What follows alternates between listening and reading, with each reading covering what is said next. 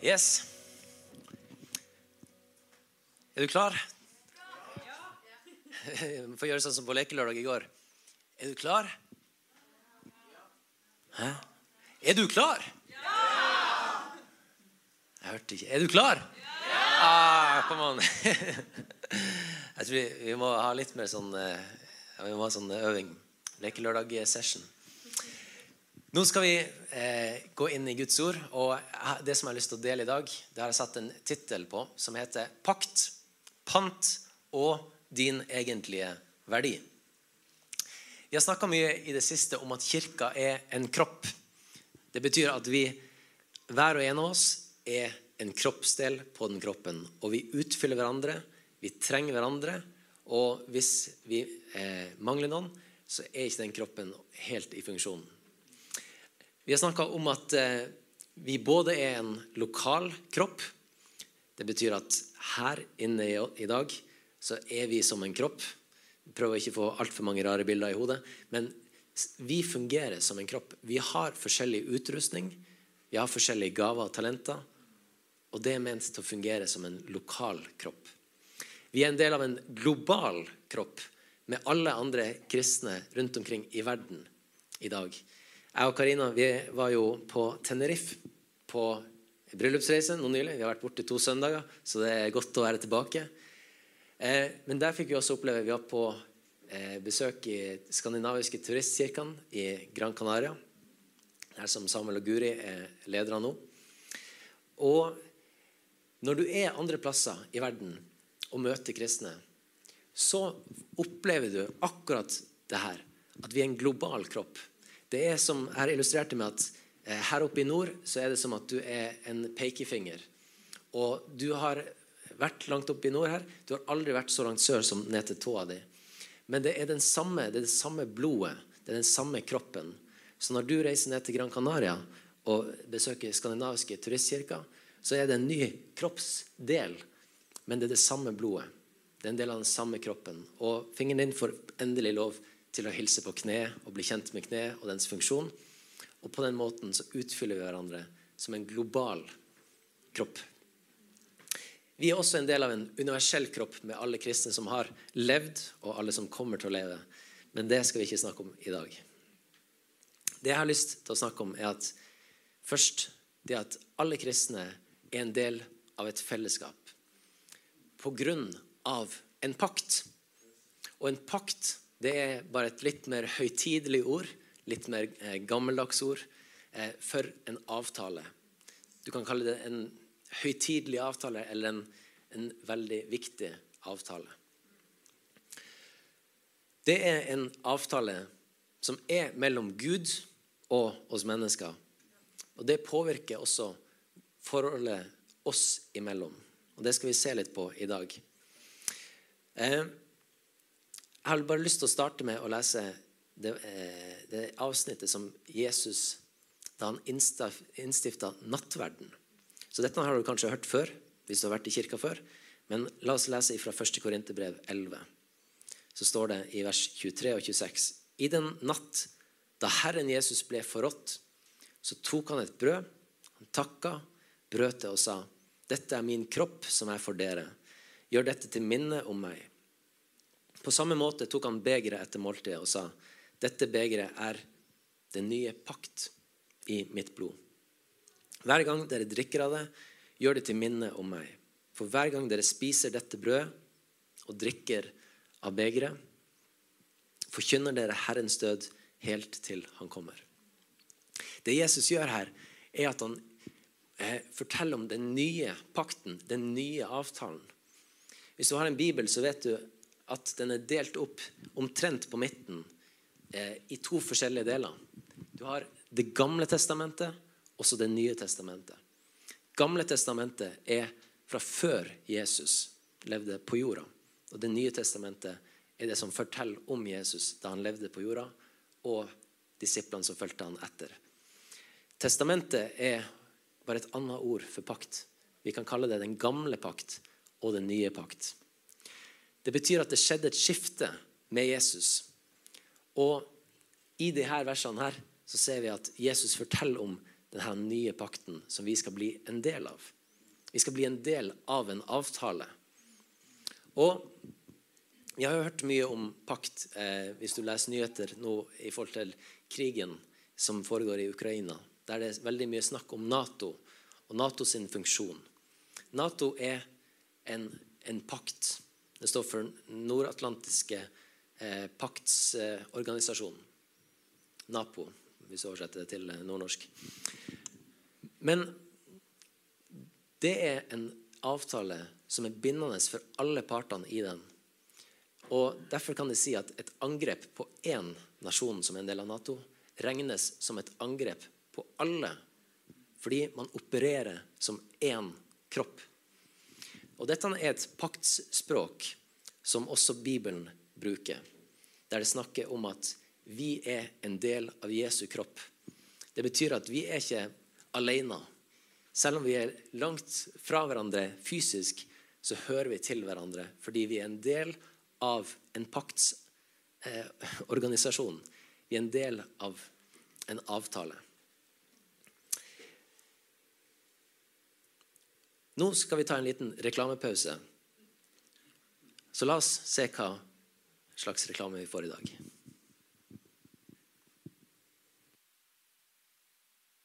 Fra og hvor man skal etterpå. Og for bokser og flasker er jo veldig greit. Nå er jeg naturligvis glad for at jeg ikke er en tom flaske eller en tom ølboks. Jeg tror ikke de har det moro, noen av dem, men jeg misunner dem det pantemerket de har på seg. Det at de kan pantes, gir dem liksom et løfte om en plass i evigheten. Evigheten. Det er lengre. Jeg skulle ønske jeg kunne fantes når jeg var tom. Yes, viktig å resirkulere. Odd Børretzen her, som det nå er gått bort, i en reklamefilm for Infinitum, resirkulering, pant av flaske, så sier han de her tingene.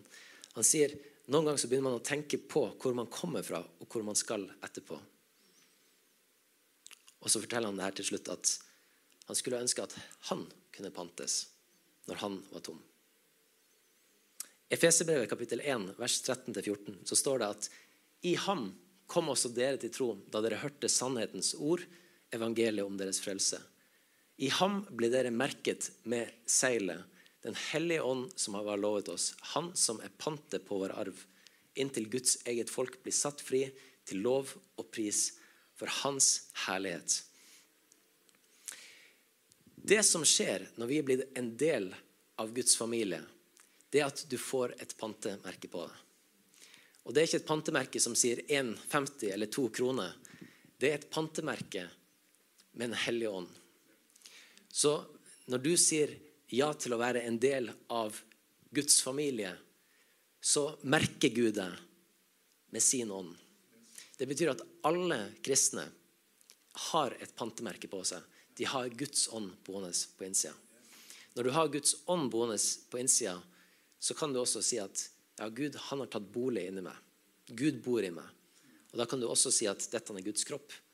Fordi Simon bor i denne kroppen. Da kan vi si at det er Simons kropp. Når Gud har tatt bolig i kroppen, så kan vi si at ja, da er dette også Guds kropp. Så sammen så er vi Guds kropp. Og vi er merka med et pantemerke. Og så tenker vi hvordan, har, hvordan henger de her tingene sammen? Og Det er derfor jeg har lyst til å ta de her tre tingene. Pakt, pant og din verdi. Fordi sånn som vi kjenner med flaske, så har jo flaske et pantemerke på seg som forteller noe om eh, dens verdi når du leverer den tilbake.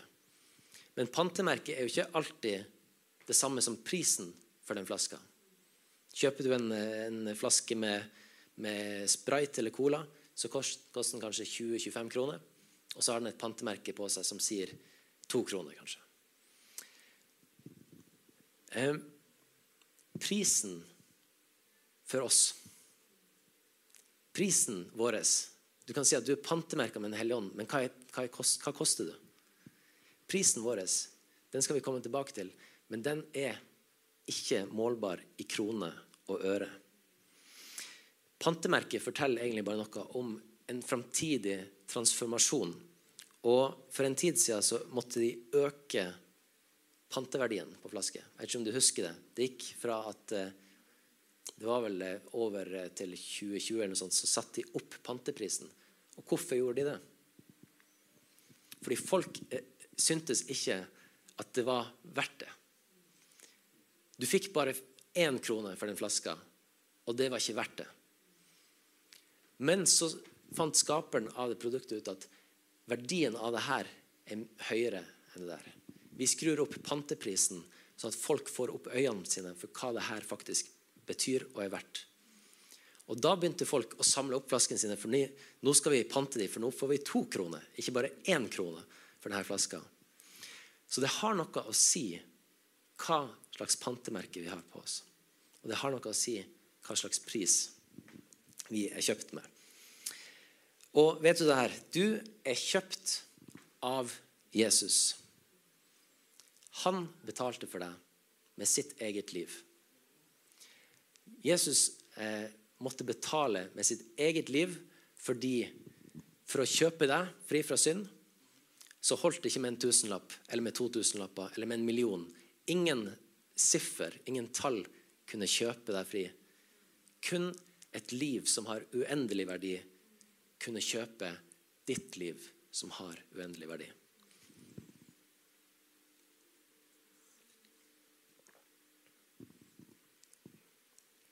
Ok. Er du ansatt i en bedrift, eller har du vært ansatt i en bedrift? La meg se. Ok, da har vi en del med oss. Eh, jeg begynte som lærling i en bedrift her i Tromsø. Og en av de tingene jeg oppdaga da, det var at når du er ansatt et sted, så er det ofte at de har en del avtaler som gjør at du er inkludert i dem så lenge du er ansatt. For eksempel så hadde jeg plutselig reiseforsikring. Plutselig så hadde jeg livsforsikring, uføreforsikring. Og det var, det var, ting som jeg egentlig ikke hadde bedt om. Det var ting som jeg egentlig ikke visste om før jeg leste personalhåndboka. Det var ting som jeg plutselig fikk oppdaga at wow, det her inkluderer jo meg. Og jeg har ikke gjort noe for å inngå denne avtalen. Reiseforsikring og sånne ting for bedrifter er nesten på samme måte som å bli en del av Guds familie. Vi skal ikke dra altfor mange paralleller, men vi skal dra noen paralleller. Og De kan være litt vage, noen av de, men det får være. Uansett om du har vært ansatt i én dag, eller om du har vært ansatt i 20 år, så er du like inkludert i den avtalen som bedriften din har inngått. Og hvorfor det? Det er fordi du kan ikke gjøre noe med den avtalen. Du er egentlig ikke en del av den avtalen i deg sjøl. Men din leder, din sjef, har signert en avtale som inkluderer alle hans ansatte, alle hans undersåtte, alle hans medarbeidere. De er inkludert i den avtalen by default. Og Du kan ikke gjøre noe for å komme ut av den avtalen uten å forlate det firmaet. Når du blir en del av Guds familie, så er det på samme måte at du har rettigheter. Du får ikke reiseforsikring som du kan eh, ta ut når du mister bagasjen din, og sånt, men du har mange andre forsikringer som er mye bedre. Gud har masse løfter til oss i personalhåndboka. Og når du begynner å lese i personalhåndboka og ser hva som er inkludert for de som er en del av denne bedriften Du henger med? Yes? Og det som er utrolig godt å vite, det er at dette er ikke noe som vi egentlig har gjort oss fortjent til. Alle de løftene, alle de tingene som Gud har for oss, er noe som vi har fordi vi er en del av en pakt. Du kan si eh, På samme måte kan vi tenke med Nato. Norge er en del av Nato. Det betyr at vi som er her, som er norske, bor i Norge, vi er inkludert i den avtalen. Og Jeg vet ikke om du har gjort mye for den avtalen, om du har lest den avtalen, om du har sjekka den ut. Kanskje du har gjort det nå de siste ukene. Men du er inkludert i den avtalen fordi noen høyere opp har signert. Noen høyere opp har tatt en beslutning om, om at dette er noe som skal gjelde for vårt folk. Det samme har Gud gjort. Gud har oppretta en pakt med sitt folk. En avtale med sitt folk. Og på den ene sida av bordet så sitter Gud far og signerer avtalen. Og så ser han over på andre sida av bordet og lurer på hvem i all verden skal signere avtalen på den sida. Eh, Nå er det jo Jens Stoltenberg da, som er i Nato. Men når han skal se over bordet for å finne noen som kan signere, så går han jo ikke til en hvilken som helst innbygger i det landet. Måte liksom, ja, Ola Nordmann, du kan signere på denne avtalen. Nei, du må ha en representant for folket. En representant som har autoritet og mandat til å signere på vegne av folket. Så da har du Gud far på ene sida av bordet, som signerer avtalen. Mitt folk skal ha evig liv. Mitt folk skal ha fred. Mitt folk skal ha den gleden i, i meg. De skal ikke være sånne som samler seg skatter på jorda, men de skal være sånne som bryr seg om det som betyr noe. Og Så ser han over bordet, og så ser han at der er ingen. Det er egentlig ingen som kan signere på denne avtalen. Det er ingen som har den autoriteten eller retten. Så det er litt synd, fordi han har en veldig bra avtale der, som han gjerne skulle inkludert flere i. Og da bestemmer Gud seg for at jeg elsker de folkene så høyt at jeg er nødt til å sende en representant. En som kan representere det folket. En som kan signere på den avtalen. På vegne av det folket. Og det er det som er evangeliet. Gud sendte sin egen sønn, Jesus Kristus, til jorda. Vi sang det i en sang, I believe, This I Believe, at Jesus ble sendt til jorda, født av jomfru Maria, vokste opp og ca. 33 år gammel, så betalte han prisen med sitt eget liv. Det han gjorde da, var at han kjøpte oss fri, ble vår representant og signerte avtalen med sitt blod. Da Jesus ble hengt på Golgata. Han ga sitt liv for å kunne representere vårt liv. Ok? Han signerer avtalen, og boff, der har du en pakt. Pakta som er mellom Gud far og Jesus, den er vi inkludert i fordi Jesus nå er vår representant. Jesus er sjefen din. Kom an. Du, den dagen du sier ja til Jesus, så kommer du på lønningslista. Er det noen som har lyst til å være på lønningslista? Det er godt å være på lønningsliste. Det er helt fantastisk. Så Det betyr det for oss i praksis å ta imot Jesus som vår Herre. Det betyr at vi er inkludert i Guds pakt. Guds avtale med folket. Jeg vet ikke om du har sett mye på sånne pornshops. Las Vegas og sånn. Det er noe som er jeg vet ikke hva man skal kalle det. Pantes, det er sånn panteselgere, pantebutikker i USA. Veldig populært i USA. De er glad i å lage TV-show i USA. Og det er sånn, eh, sånn, som du kan se på og bare nyte, fordi det er bare så, det er så amerikansk. Det som er konseptet, er at folk kommer med sine objekter. Det kan være at de har en gammel vase eller en krukke eller en, en gullmynt eller et eller annet fint de har fått i arv eller funnet i hagen. Og så trenger de penger, så da tar de dette objektet, går til pantebutikken i Las Vegas, legger den på disken og spør kan jeg få 500 dollar for den her. Eller 5000 dollar, eller 10 000 dollar, avhengig av hva det er for noe. Så står de på andre sida av disken, og så ser de på den. Og hva gjør de da? Er det noen som har sett dette programmet? De sier ikke ja eller nei. De sier 'interessant'. La meg sjekke med en som kan faget. De her folkene har ikke peiling på mynter og Pokémon-kort. og sånt. Det eneste de kan, det er å, å, å selge og prute. De har, de har, sikkert litt peiling. Unnskyld. De har noen, sikkert noen fagfelt. Men når folk kommer inn med så veldig mye forskjellig, så er de nødt til å ha spesialister som kan vurdere verdien av et objekt. Fordi de har egentlig ikke all den kunnskapen. Så det de gjør, det er de sier den her så veldig kul ut. Interessant. Du spør om 5000 dollar. Jeg vet ikke verdien på det her. Jeg trenger en som kan faget til å vurdere hva verdien er. Så ringer de kompisen sin. Han springer ned, kjører på Harleyen sin ned til butikken. Og så vurderer han og sier at sorry, den her er falsk. Ingenting verdt. Og hva har skjedd da? For det her er interessant i forhold til hvordan vi vurderer verdi. Vi kan tenke på menneskets verdi, eller vi kan tenke på materielle verdier. Men hvordan vurderer vi og bestemmer vi verdi? Det er faktisk noen som har beregna hva et menneskeliv er verdt. Eh, og jeg tror det var noe sånn Det var 17 millioner eller noe sånt. Men det var i forhold til arbeidsliv. Ja, Uansett. Det er ikke en hensikt. Eh, hvor var jeg? Jeg må ikke begynne med sånne tall. Nei, jeg var der at eh, Hvordan vi vurderer verdi. Er det markedet som bestemmer det, eller er det skaperen? Eh, det var en, en, eh, italiensk kunstner som solgte nylig et, et usynlig kunstverk til 150 000 kroner. Han, eh, kunstgalleriet anslo først verdien til å være verdt sånn 60 000-90 000, og så sendte de det ut på auksjon, og så ble det kjøpt for 150 000.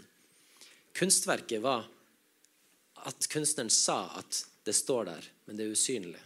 Det er ca. 150 ganger 150 cm, men det er usynlig. Og, og folk kjøpte det her og hevda å ta det med seg hjem i bilen. De måtte kjøpe en litt større bil for å få det med seg. Men, eh, men i et sånt marked, da, hvordan kan man være trygg på at en verdivurdering altså En ting er at folk bruker 150 000 kroner på det. Det er greit. Hvis man har så mye penger å bruke på ingenting, gjør det. Men at da et profesjonelt eh, en kunstgalleri kan vurdere og verdsette det her til 60 000-90 000, det gjør meg veldig usikker på eh, Kan man stole på mennesker i forhold til å vurdere verdien av ting? Når vi verdsetter sånne ting til nærmere 100 000 fordi en kunstner på 67 år sier at det er kunstverket mitt.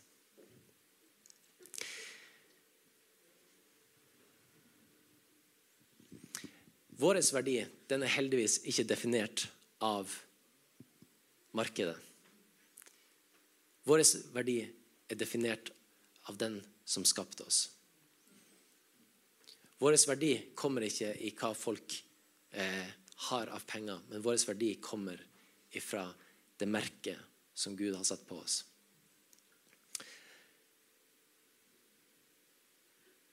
For hva skjer med de her folkene da, som kommer til pantebutikken og ber om 5000 dollar? Klarer du å se det for deg? Du kommer med 5000 dollar og ønsker å få det for denne gullmynten. Så viser den seg å være falsk.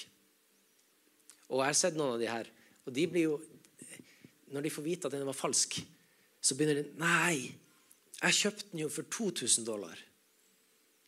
Og de i butikken bare Sorry for you. Det har ikke noe å si hvor mye du har betalt for den. Det har ikke noe å si hvor mye du har verdsatt den. Fordi den faktiske verdien av den er noe helt annet. Og sånn er det også med vårt liv, folkens. Du kan tenke at du har en lavere verdi eller en høyere verdi enn andre. Til syvende og sist så har din vurdering ingenting å si. Fordi når du blir levert inn i pantemaskinen eller over pantedisken til slutt, når du pakker tøflene dine og skal møte Gud, så, bruk, så er det en spesialist som ser på deg og ser på verdien din. Han gjør det allerede i dag. Det er ikke sånn at du, det kun skjer på din siste dag. Men du vurderes og analyseres av en spesialist. En som vet hva det her er for noe. Det er heldigvis ikke en politiker eller en aktivist eller noen andre som skal vurdere din verdi. Det er ikke klassekamerater eller kollegaer eller sjefer eller andre som skal vurdere din verdi. Det er ikke de de ringer når de får inn et menneske og lurer på verdien av dette livet. Når de ringer spesialisten, så er det kun én som er spesialist på mennesker, og det er Gud sjøl, fordi han har skapt det. Han vet hva hvert eneste menneskeliv er verdt. Og det var verdt så mye at det ikke gikk an å sette en prislapp på det, men det måtte utøses et liv for det. Jesus måtte betale med sitt liv for å kjøpe oss fri. Og det er den verdien vi har. Uendelig verdi måtte kjøpes med uendelig verdi.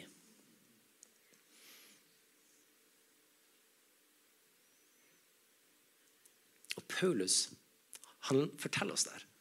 I personalhåndboka vår så skriver han det i Galaterbrevet, kapittel 3, vers 13-14. Så sier han, men Kristus, han kjøpte oss fri fra lovens forbannelse da han kom under forbannelse for vår skyld.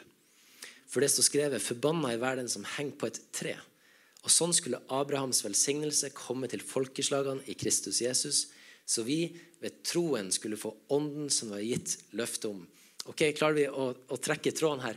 Jesus kjøpte oss fri. Jesus betalte for oss, kom ned til jorda og representerte oss. Og på den måten, når Jesus gjorde det, så skulle Guds velsignelse, altså det som står her som Abrahams velsignelse, Guds pakt, som var starta med Abraham i Gamle Testamentet, skulle være noe for alle folkeslag. Alle som tilhørte denne pakten. Og den var det noe Jesus kjøpte oss inn i. Og når vi kom inn i den pakten, når vi fikk den velsignelsen, så vi ved troen skulle få pantemerke. Ved å tro så blir du pantemerka med ånden. Fordi det er det Gud har lova oss. At du skal få et nytt liv på innsida den dagen du tar imot Jesus. Vi har et dåpsbasseng her, og det bruker vi til å begrave folk. Du som har vært i begravelse, vet at begravelser finner sted etter en død. Som oftest. Hvis det ikke er mafia, og sånne ting, så foregår begravelsen etter at du er død. I dåpen tar vi ikke livet av deg. Det ville vært dårlig PR, og medlemstallene i kirken ville vært veldig mye lavere enn det. I dåpen begraver vi det som er dødt. Fordi det er noe som dør den dagen du tar imot Jesus. Og det er kanskje underkommunisert. At når du tar imot Jesus, så er det noe som dør. Du dør. Men du får et nytt liv. Et evig liv som ikke skal slutte den dagen kroppen din begraves. Men du dør og begraves der og da. Fordi Gud gir deg et nytt liv. Du er en del av Guds pakt, en del av Guds familie. Du har fått et nytt liv på innsida. Og det som pumper der, det er noe Guds ånd. Så du begraves, kommer opp av dåpsbassenget, og det gamle mennesket ligger igjen.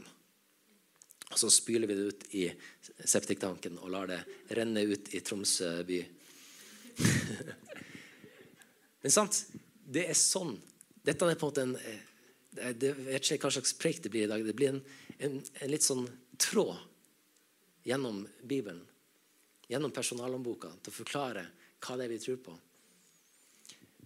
Så vi er alle en del av Guds familie, de som har latt Jesus representere oss. For det er sånn at som en del av Guds familie så er vi inkludert i alle løftene som Gud har for oss. Og da kan vi få lov til å samle oss skatter i himmelen.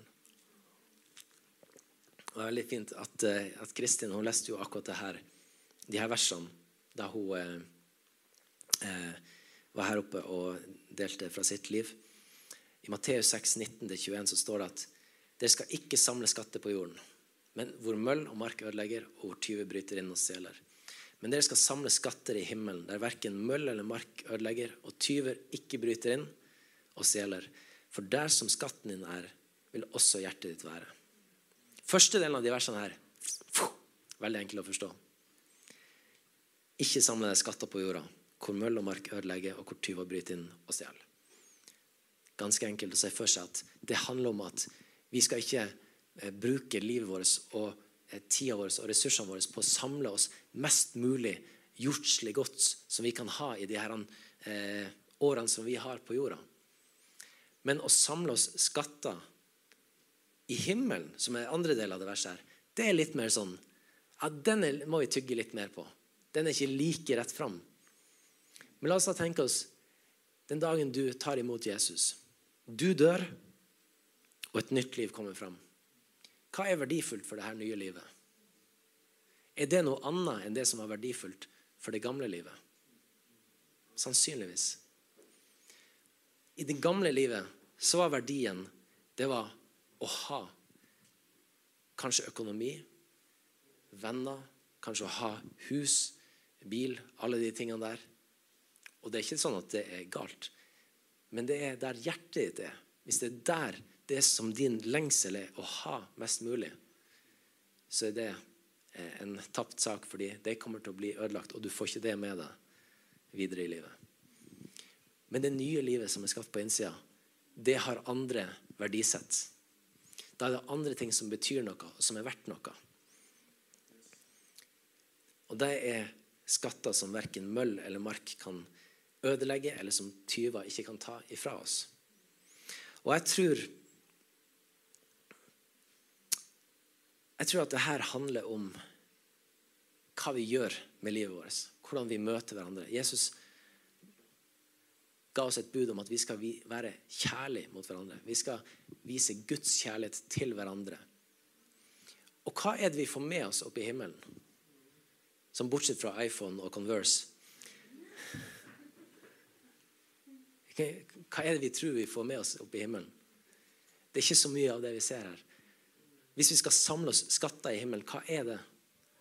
Jeg tror det handler om menneskeliv. Jeg tror det handler om at vi kan få lov til å samle skatter ved å dele det som vi har hørt, det som vi har sett, til andre mennesker. Sånn at de også kan få ta del i det, hvis de ønsker. De kan få lov til å ta, bli en del av den avtalen, av den eh, pakten, hvis de vil.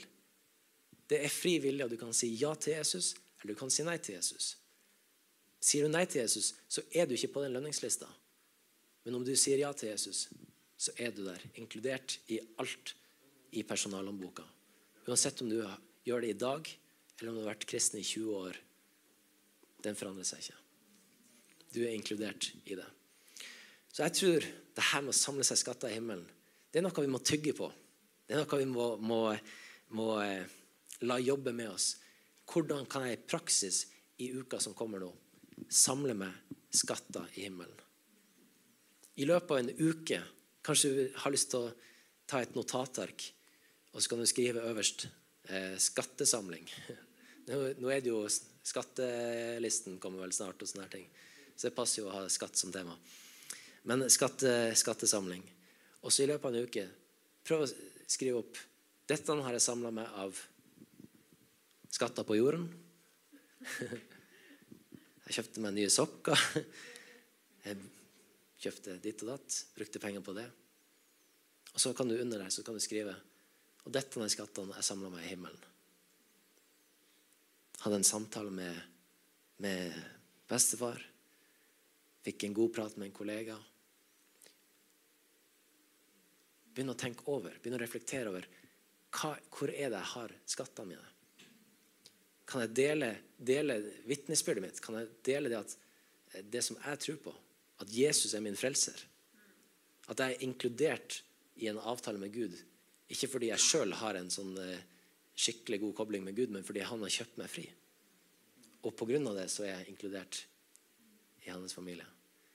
Og samle oss de her skattene i himmelen. La meg oppsummere til slutt her. Eh, vi er i et paktsfellesskap. Det er en avtale Gud imellom. Gud far og Guds sønn Jesus Kristus. Og vi er inkludert i den ved å tro på Jesus Kristus. Ved tro så er vi inkludert i den. Da kommer vi inn i hans familie.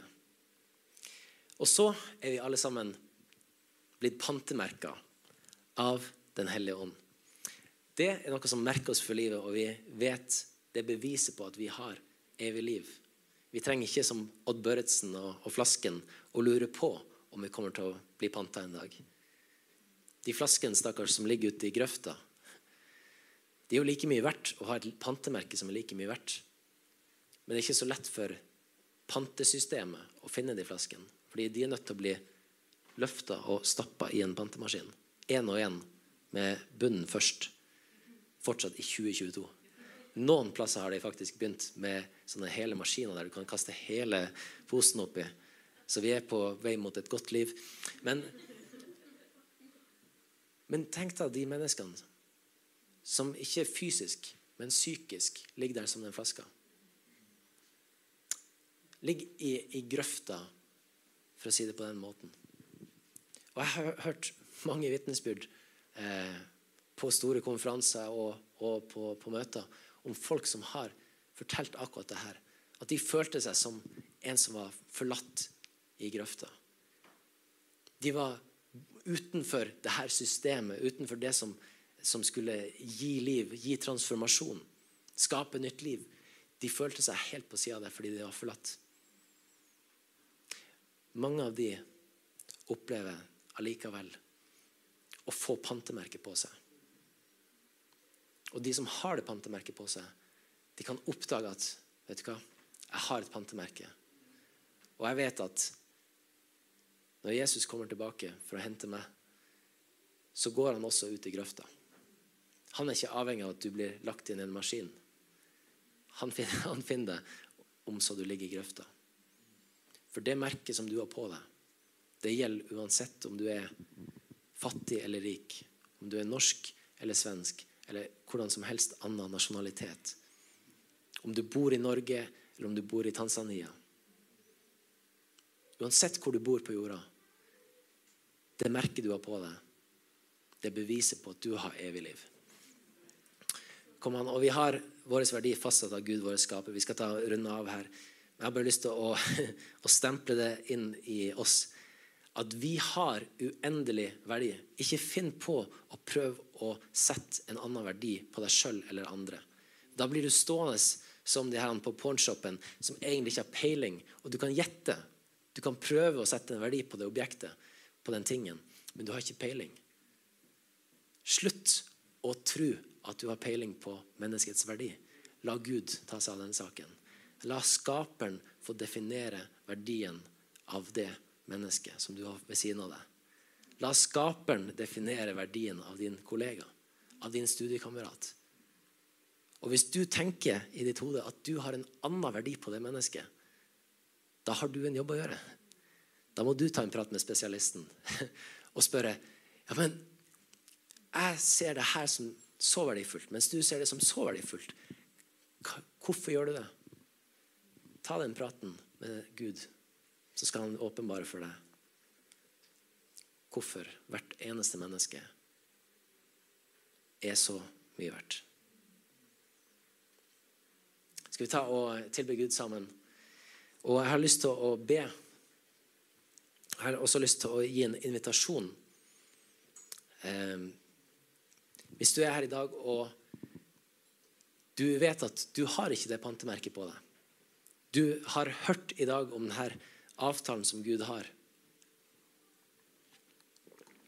Du har hørt om at Gud tilbyr et evig liv. Men du vet at du er, du er ikke en del av den nasjonen ennå. Du er ikke en del av det folket ennå. Så har jeg bare lyst til å gi deg en invitasjon nå og si at du kan ta det valget her og nå. Du kan si ja til Jesus akkurat her og nå og bli inkludert i Guds familie. Og det kan vi ta og gjøre mens vi nå reiser oss opp for å synge, så kan vi få lov til å ta det valget. Uansett om vi er, har vært mange ganger i kirka, eller om det er første gang, eller om vi er fotballspillere, eller hva enn vi er, så kan vi få lov til å ta den avgjørelsen der vi er. Og det kan vi gjøre så enkelt som å si en bønn til Jesus. Så vi kan ta og reise oss opp, og så skal jeg be en bønn. Og hvis du ønsker å si ja til Jesus i dag, så kan du repetere denne bønnen. Vi kan alle sammen ta og repetere denne bønnen.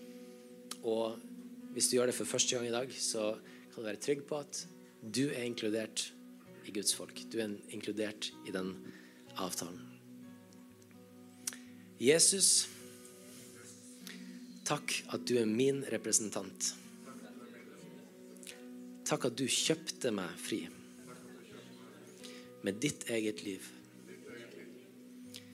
Jeg tar imot deg som min frelser, som min sjef, som min herre, som min veiviser. Og takk, Jesus, for at du inkluderer meg i alt du har for meg. Takk, Jesus, at jeg har evig liv. At du har marka meg med din hellige ånd. I Jesu navn. Amen. Takk.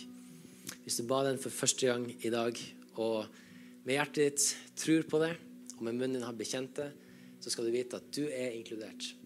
Du er en del av Guds familie fra i dag av.